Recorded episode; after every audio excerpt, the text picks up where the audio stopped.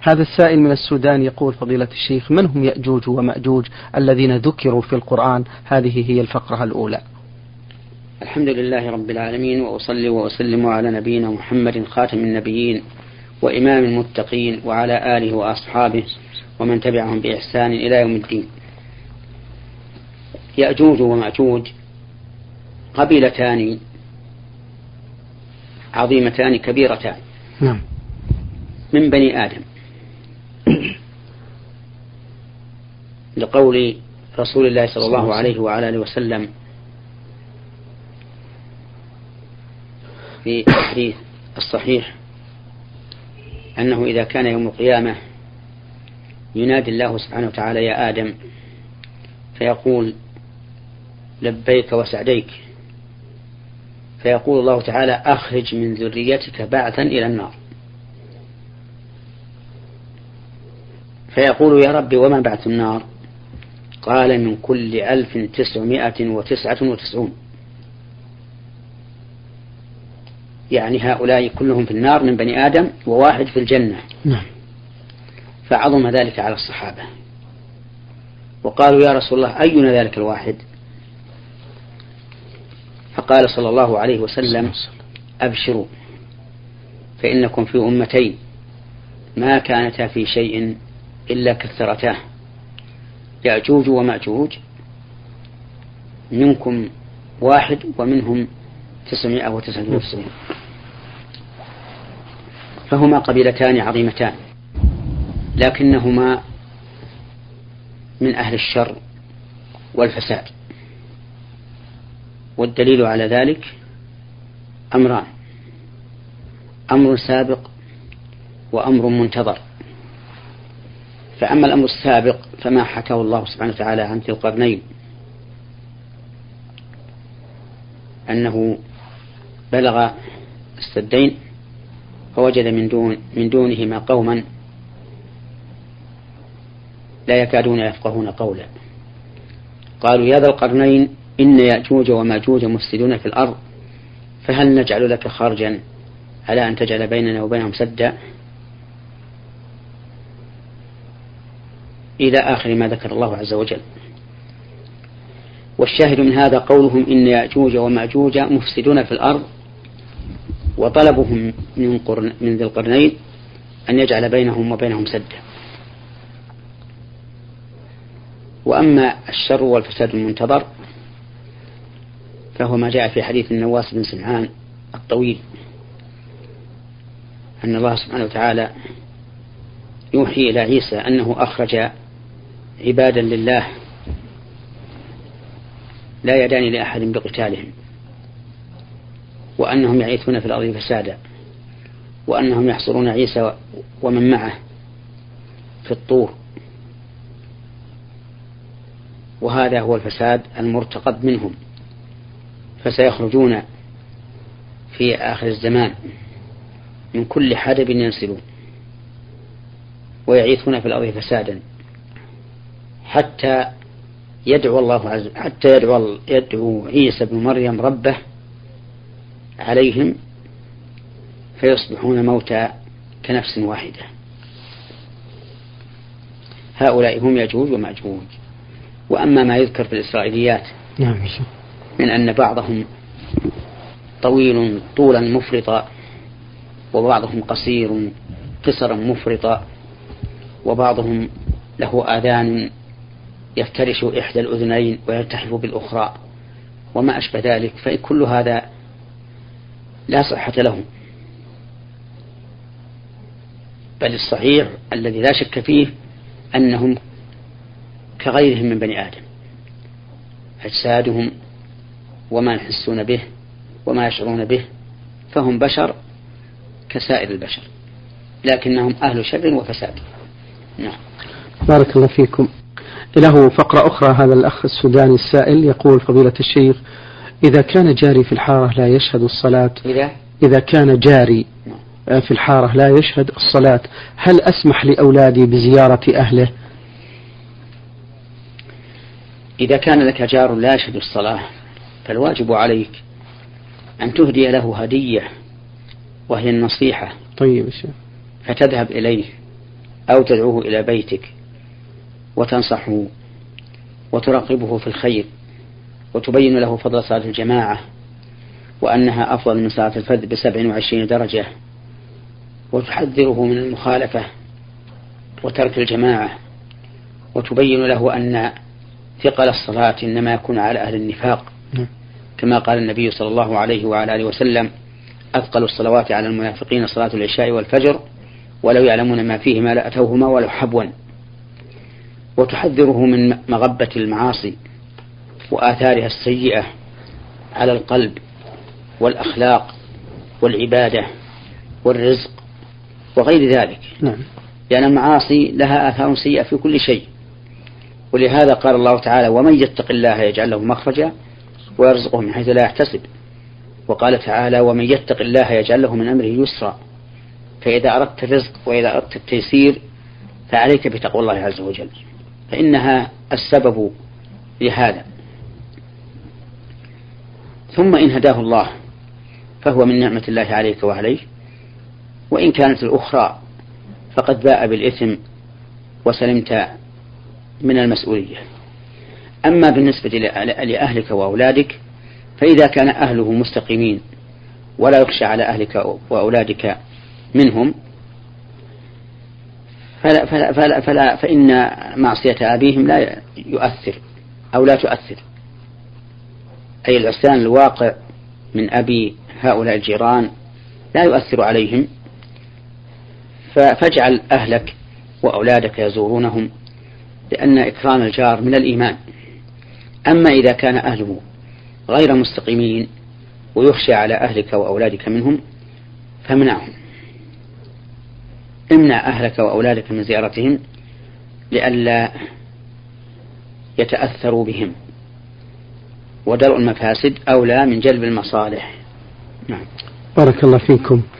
له آه هذا السؤال فضيلة الشيخ يقول ما صحة حديث التائب من الذنب كمن لا ذنب له؟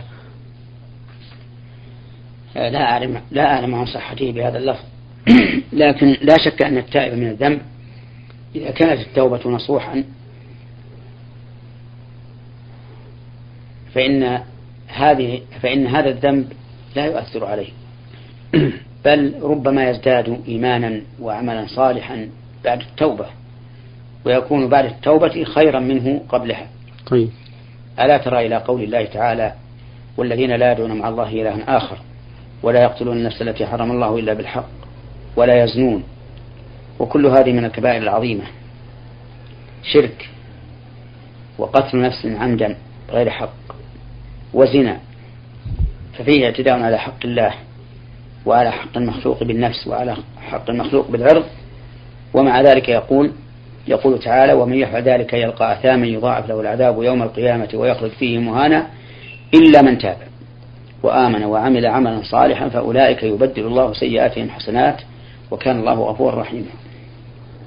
وألا ترى إلى آدم حيث حصل منه ما حصل بأكل الشجرة التي نهاه الله سبحانه وتعالى عن أكلها. قال الله تعالى فعصى آدم ربه فغوى ثم اجتباه ربه. قال الله تعالى وعصى آدم ربه فغوى ثم اجتباه ربه فتاب عليه وهدى. فحصل له الاجتباء والتوبة والهداية.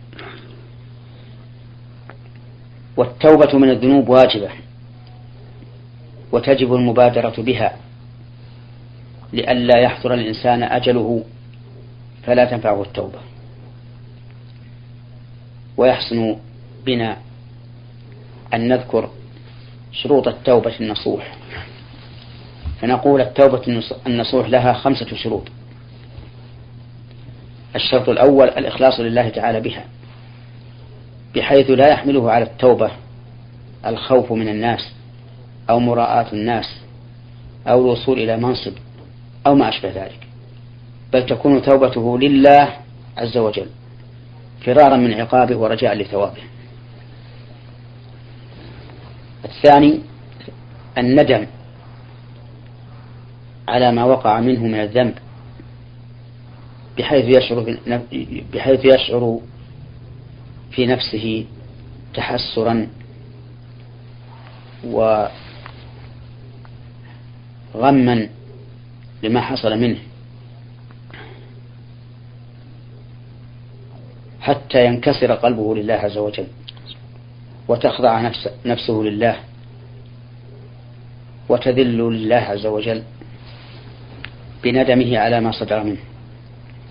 الثالث الشرط الثالث الإقلاع عن الذنب. فلا توبة مع الإصرار على الذنب. بل التوبة مع الإصرار على الذنب نوع من السخرية. فإذا أراد الإنسان مثلا أن يتوب من الربا ولكنه يمارس الربا مستمر عليه فإن دعواه التوبة منه كذب. وهي إلى الاستساء بالله أقرب منها إلى تعظيم الله. لو أراد الإنسان أن يتوب من شرب الخمر ولكنه يمارس شرب الخمر فإن توبته لا تصح. لأنه كيف يكون صادقا في توبته وهو يفعل الذنب؟ أراد أن يتوب من غيبة الناس ولكنه يغتابهم فالتوبة لا تصح. لأنه لابد أن يقلع عن الذنب. أراد أن يتوب من غصب أموال الناس وأموال الناس عنده ولم يردها عليهم. فكيف تصح توبته؟ الشرط الرابع العزم على أن لا يعود في المستقبل. يعني بأن ينطوي قلبه على أنه لا يعود إلى هذا الذنب أبدا. فإن قال إنه تائب وهو بنيته أنه متى سنحت له الفرصة فعل هذا الذنب فإن هذا ليس بتائب.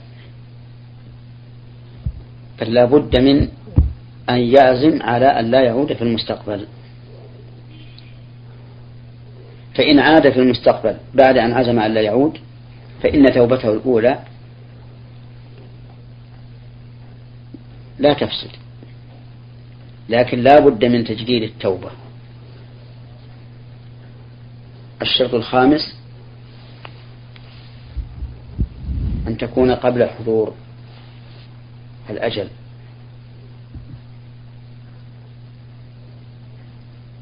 فإذا بقي الإنسان مصرا على المعصية حتى حضره الأجل فتاب فإنه لا يقبل منه ذلك. لقول الله تبارك وتعالى وليست, وليست التوبة للذين يعملون السيئات حتى إذا حضر أحدهم الموت قال إني تبت الآن. وكذلك لا تصح التوبة بعد طلوع الشمس من مغربها لقول النبي صلى الله عليه وسلم لا تنقطع التوبة الهجرة حتى تنقطع التوبة ولا تنقطع التوبة حتى تطلع الشمس من مغربها. فهذه الشروط الخمسة هي الشروط لكون التوبة نصوحا مقبولة عند الله. نعم. بارك الله فيكم. السائلة هنا إبراهيم تقول ما الحكمة أن دعاء المسافر مستجاب؟ وهل هذا حديث فضيلة الشيخ؟ السفر من أسباب إجابة الدعاء. نعم. لأن النبي صلى الله عليه وسلم ذكر الرجل يطيل السفر أشعث أغبر. يمد يديه إلى السماء يا رب يا رب. ومطعمه حرام وملبسه حرام وغذي بالحرام فأنى يستجاب لذلك. هكذا قال النبي عليه الصلاة والسلام. أنى يستجاب لذلك يعني بعيد أن الله تعالى يستجيب لهذا الداعي لكونه متغذيا بالحرام مطعمه وملبسه وكذلك تغذيته بالحرام فإن فإنه بعيد أن يستجيب الله دعاءه. فقوله يطيل السفر يدل على أن إطالة السفر من أسباب إجابة الدعاء. والحكمة في ذلك أن المسافر يكون متفرغ القلب ليس عنده ما يشغله في ما يشغله كما يشغله في المدن والقرى. ثم أن المسافر في الغالب يدعو دعاء مضطر متجئ إلى الله عز وجل لأنه في سفر. ولا سيما إذا كان السفر سفر خوف وقلق. فإن الداعي سوف يكون إلحاحه بالدعاء وإقبالها على الله أكبر مما لو كان على خلاف ذلك. وهذا من أسباب إجابة الدعاء. بارك الله فيكم. هذا السائل من الرياض فضيلة الشيخ يقول هناك خطباء يطيلون الخطبة فضيلة الشيخ مما يدخل الملل على المصلين فهل هناك زمن محدد للخطبة؟ والفقرة الأخرى يقول ما رأيكم فضيلة الشيخ في الذين يتأخرون في الصلاة في يوم الجمعة حيث لا يخرجون من الصلاة إلا قبل الواحدة ظهرا؟ أرجو بهذا إفادة مأجورين. تطويل الخطبة على وجه ممل خلاف السنة. نعم. ودليل على قصر فقه الخاطب لقول النبي صلى الله عليه وعلى آله وسلم إن طول صلاة الرجل وقصر خطبته مئنة من فقهه. وعلى هذا فالسنة للخطيب أن يقصر الخطبة وأن يقتصر على الأهم والمهم. وأن لا يمل الناس. نعم. لأن إملال الناس يجعلهم يكرهون الخطبة والموعظة. أما إذا كان هناك سبب لتطويل الخطبة فإنه لا بأس به والغالب أنه إذا كان هناك سبب لتطويل الخطبة أن الناس يستمعون إليها جيدا. ولا يحصل لهم الملل بهذا نعم. والإنسان الحكيم يعرف كيف تكون خطبته طويلة أم قصيرة ولكن ينبغي للخطيب أيضا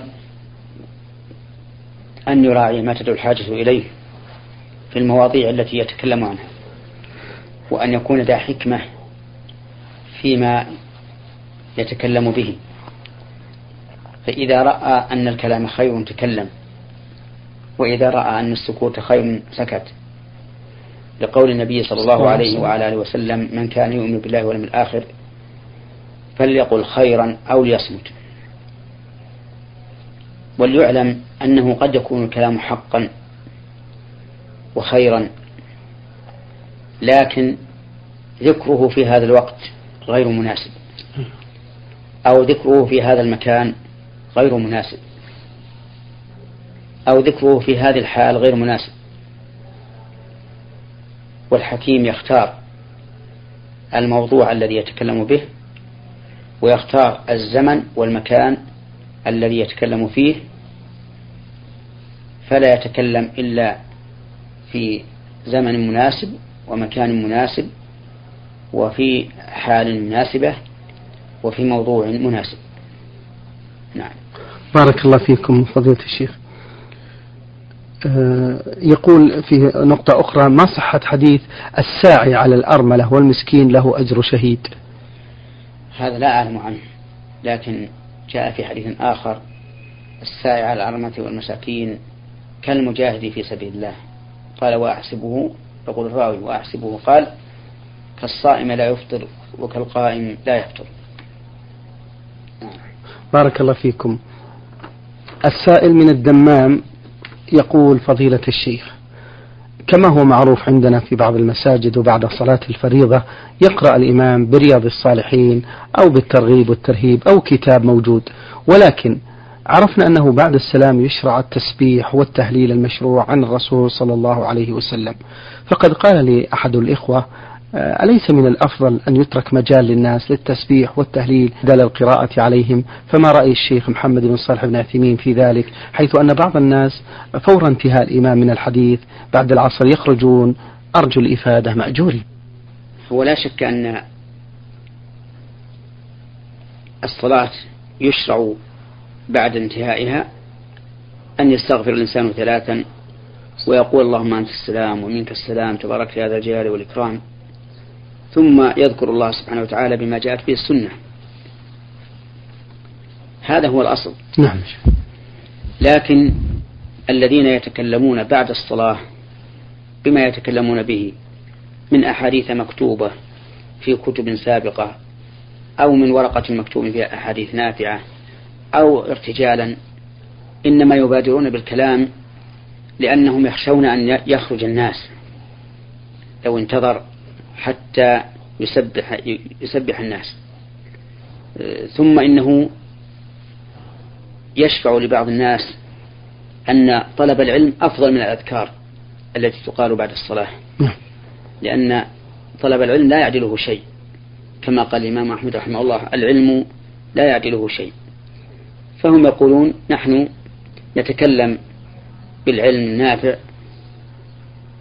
ومن أراد أن يسبح فليسبح وإن كنا نقرأ أو نتكلم ومن أراد أن يستمع إلينا ثم يسبح بعد ذلك فله هذا.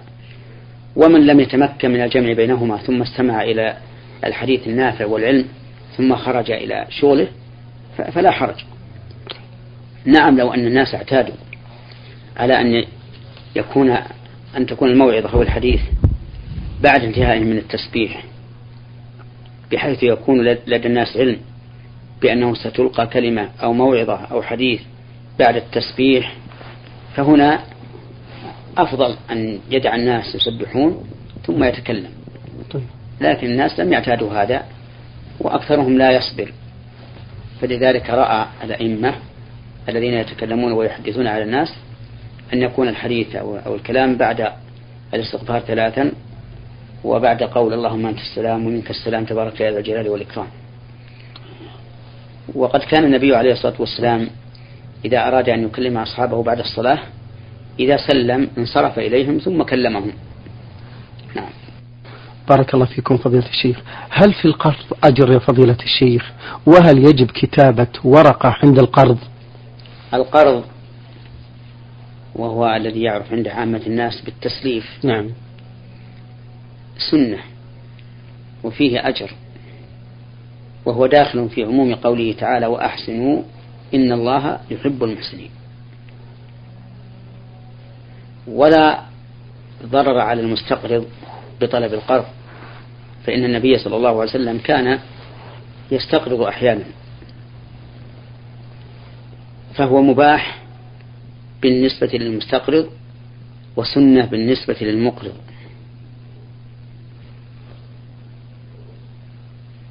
ولكن يجب على المقرض أن لا يحمل منة على المستقرض فيمن عليه فيما بعد.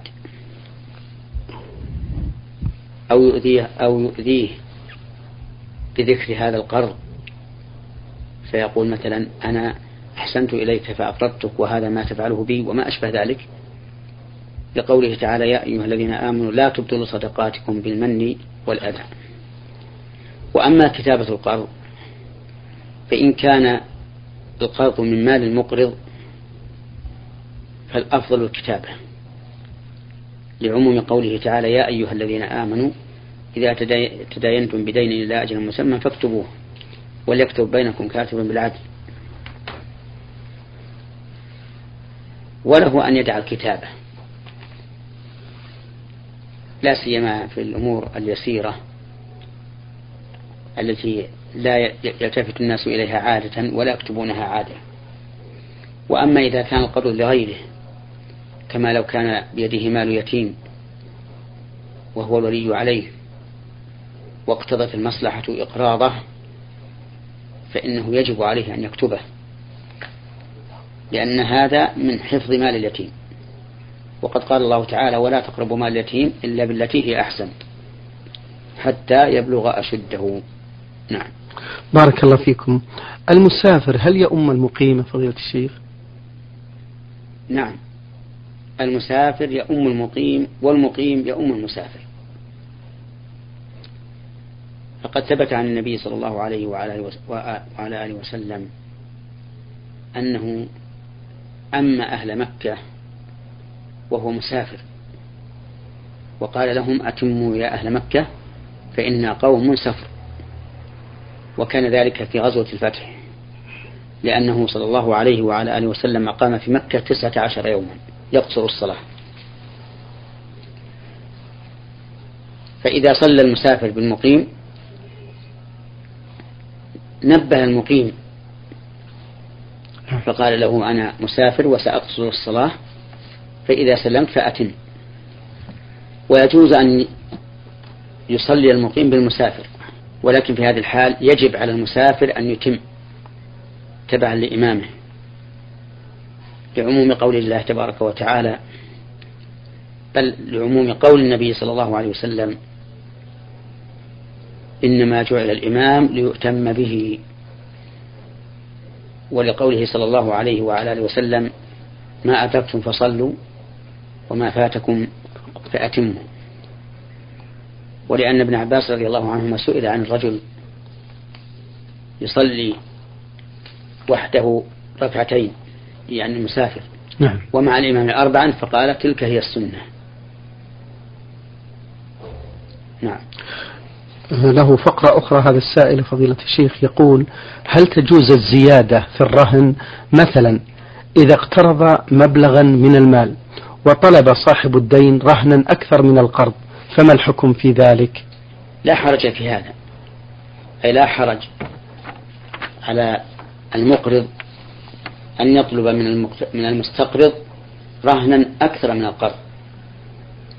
فمثلا إذا أقرضه عشرة آلاف وطلب رهنا يساوي عشرين ألفا نعم. أو أكثر فلا حرج.